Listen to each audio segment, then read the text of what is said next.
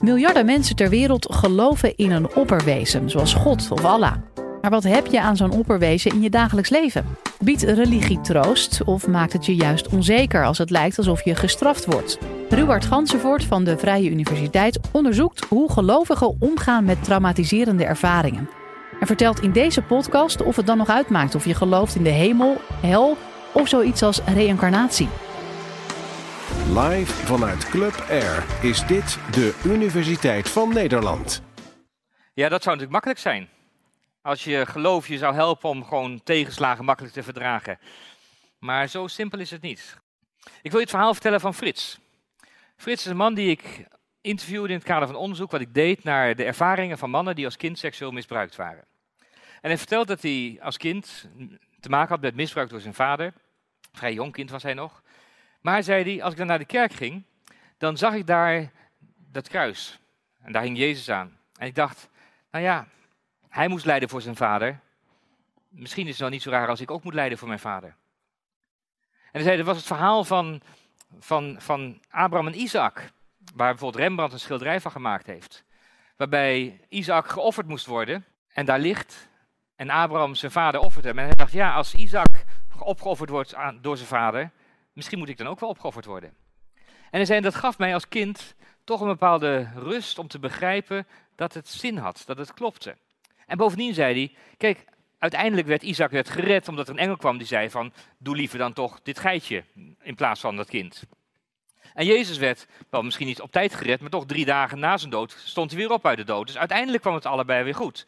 Dus dacht hij, misschien komt het met mij ook wel weer goed. Voor Frits waren die verhalen van, die religieuze verhalen van lijden en betekenis, die werden waardevol voor hem omdat ze hem hielpen als kind om het uit te houden, om het te doorstaan.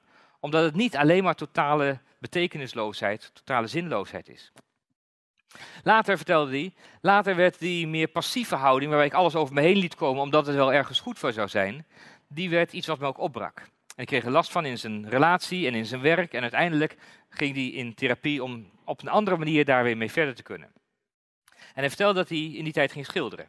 Dat hij onder andere dat verhaal van Abraham en Isaac ook geschilderd had. En hij zei, kijk, in mijn schilderij daar heb je Abraham, dat is natuurlijk mijn vader, en Isaac, dat ben ik natuurlijk. Maar hij zegt, kijk, je ziet die engel in mijn schilderij, die kijkt de andere kant op. Want mijn vader kan nooit dat gebruiken als een argument om maar door te gaan met wat verkeerd is. Hij is zelf verantwoordelijk en kan niet zeggen, ik wacht tot er een engel komt ingrijpen. Maar hij zei, ook ik moet niet wachten tot een engel ingrijpt. Ook ik moet mijn eigen verantwoordelijkheid nemen voor mijn eigen leven. Ik moet niet zo passief blijven, ik moet mijn eigen plek innemen. En zei hij, daarom kijkt mijn engel de andere kant op. Ik vond het een heel mooi verhaal, omdat hij daarin liet zien dat religieuze beelden, religieuze verhalen, dat die niet voor eens en voor altijd vaststaan. Maar dat ze mee kunnen groeien met je leven en dat ze ook in nieuwe situaties ook weer een nieuwe betekenis, een nieuwe functie kunnen krijgen. En dat past heel erg volgens mij bij hoe religie werkt. Religie is niet per se een systeem van waarheden, religie is vooral een repertoire van wijsheden. Een repertoire van verhalen, van beelden, van rituelen, van gedrag, van doen en denken, van voelen en zijn. Wat helpt om in het leven hier en nu je weg te vinden. Wat een kader is waar je uit kunt kiezen, maar waar je ook mee kunt verbinden. En dat wijsheidsrepertoire, om het zo maar te noemen, dat wijsheidsrepertoire dat geeft mensen herkenning. Frits die herkende zichzelf, die herkende zijn beleving, zijn ervaring als kind herkende hij in die verhalen die hij in de kerk hoorde. Het gaf hem troost. En het gaf hem richting hoe je daarmee kunt leven. Maar het gaf hem ook de kans om dat later weer te transformeren. Tot nieuwe betekenisgeving, tot een nieuwe koers, tot een nieuwe identiteit. En dat doen we door op een heel eigenlijk creatieve manier heen en weer te gaan tussen onze eigen ervaring en de situatie en de teksten die we daarin tegenkomen. Nood leert bidden, zeggen we wel eens. Maar is dat zo? Wie denkt met mensen die in nood zijn meer bidden dan wanneer ze niet in nood zijn? Nou, het zou zomaar kunnen. In ieder geval worden dan de vragen gesteld. En die vragen kunnen ertoe leiden dat je ook meer religieus actief gaat worden. In 1755 bijvoorbeeld was er in Lissabon een grote aardbeving gevolgd door een tsunami. Wij denken wel eens dat tsunamis iets is van Azië, maar Lissabon had er in 1755 mee te maken. Waar een groot deel van de stad verwoest werd door de aardbeving en vervolgens de haven door de tsunami en alle schepen daar. En dat leidde bij de filosoof Leibniz tot een bekend geworden discussie over de, zoals het dan heet, de theodicee. Letterlijk betekent dat de rechtvaardiging van God. Dat ze zeggen, kun je geloven in een God als er zulke dingen gebeuren? Als hij almachtig is en als hij liefdevol is, hoe kan het dan dat dit gebeurt? En daar is vervolgens in de loop van de eeuwen sindsdien is daar heel erg veel over gedacht. En tot op de dag van vandaag zijn mensen daarmee bezig. In het privéleven, maar ook in de theologie als geheel. En wat je dan ziet in onderzoek, zowel vanuit die traditie van denken, als ook wanneer je gaat toetsen hoe dat nou werkt in de levensverhalen van mensen, dat er eigenlijk een paar basishoudingen zijn die we dan uitproberen. Om te verstaan wat er gebeurt en hoe we een beetje ja, betekenis kunnen geven aan de dingen die er gebeuren. De eerste vraag is, heeft God er überhaupt wel de hand in? Heeft hij er wat mee te maken? En als dat zo is, dan kan het bijvoorbeeld de betekenis krijgen van het is een schuld van ons. We worden gestraft. Lijden wat ons overkomt is iets wat we eigenlijk aan onszelf te danken hebben. Als wij ons verkeerd gedragen hebben, dan is dit het gevolg daarvan. En laten we wel wezen, in sommige gevallen is dat zo. Er is een deel van wat ons als mensen overkomt, wat gewoon het gevolg is van ons eigen handelen. En soms is dat een hele zinnige interpretatie. De positieve kant daarvan is dat je kunt zeggen, als God er de hand in heeft, dan gebeuren dingen zodat wij er iets van leren. Ze zijn niet negatief bedoeld, het is een straf, maar het is een positieve interpretatie van er is wel degelijk een zin, er is een logica en die is erop gericht dat wij er iets van leren. Je kunt ook zeggen, nee, hij heeft er helemaal niet de hand in. Hij staat daar buiten, het, gaat buiten God om. En ook dan heb je twee varianten daarvan. De een zegt, hij is wel nabij, hij is een troostende aanwezigheid, maar hij is niet de oorzaak van wat er gebeurt. En de negatieve variant is, hij bemoeit zich er helemaal niet mee. Hij staat er buiten, hij staat op afstand, en als het echt moeilijk wordt, dan is hij niet in de buurt. Nou, elk van die varianten heeft voor- en nadelen. Het kan helpen om daar wat meer grip op te krijgen. Het kan helpen om op die manier te verklaren waarom de dingen gebeuren zoals ze gebeuren. Maar ze hebben ook allemaal een negatieve kant. Oftewel, ieder religieus antwoord geeft een stukje antwoord, maar lost nooit alle vragen op. Het blijft altijd ergens schuren. En de onderliggende vraag bij dat geheel is natuurlijk altijd: denk je eigenlijk dat God deze werkelijkheid kan veranderen? Twijfelgevalletjes, zowel voor de filosofen als voor de theologen, als voor de mensen die gewoon dagelijks daarover nadenken. Augustinus was er zo eentje die daar veel over nadacht. Augustinus, een kerkvader uit een van de eerste eeuwen, die schrijft ergens over het gebed en over de vraag of het gebed de werkelijkheid kan veranderen. En hij zegt dan, wij bidden niet om God te instrueren, om het een of het ander te doen, maar wij bidden om ons hart te construeren. Wij bidden meer om ons eigen hart te richten op een andere werkelijkheid.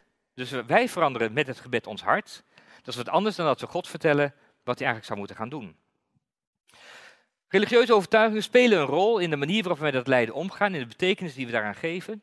En die religieuze overtuigingen zijn eigenlijk redelijk weerbaar, zou je kunnen zeggen, tegen uh, ingrijpende gebeurtenissen.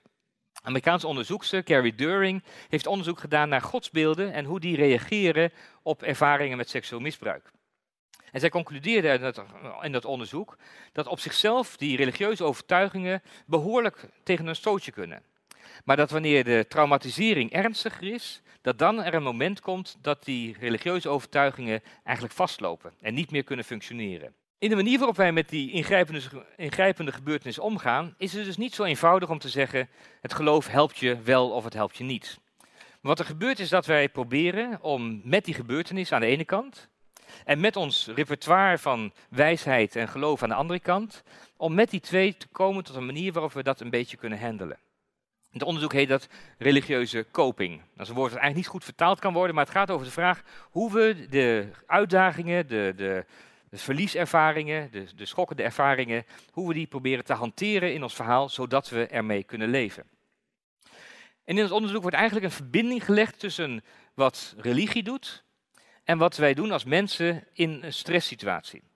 En die verbinding ligt in hoe vinden wij betekenis? Hoe vinden wij dat wat van waarde is? En hoe verbind je dat enerzijds in religie met dat wat heilig is, en anderzijds met dat wat een grote uitdaging is en waar we voor grote vragen komen te staan?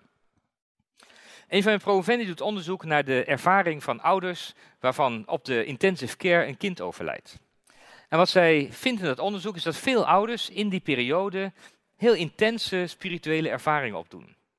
Bijvoorbeeld, een verhaal wat je misschien vaker al gehoord hebt, bijvoorbeeld dat ze op het moment dat het kind overleden is, dat ze dan een vlinder zien. En voor die ouders zijn het spirituele momenten die hen helpen om met die ingrijpende gebeurtenis om te gaan.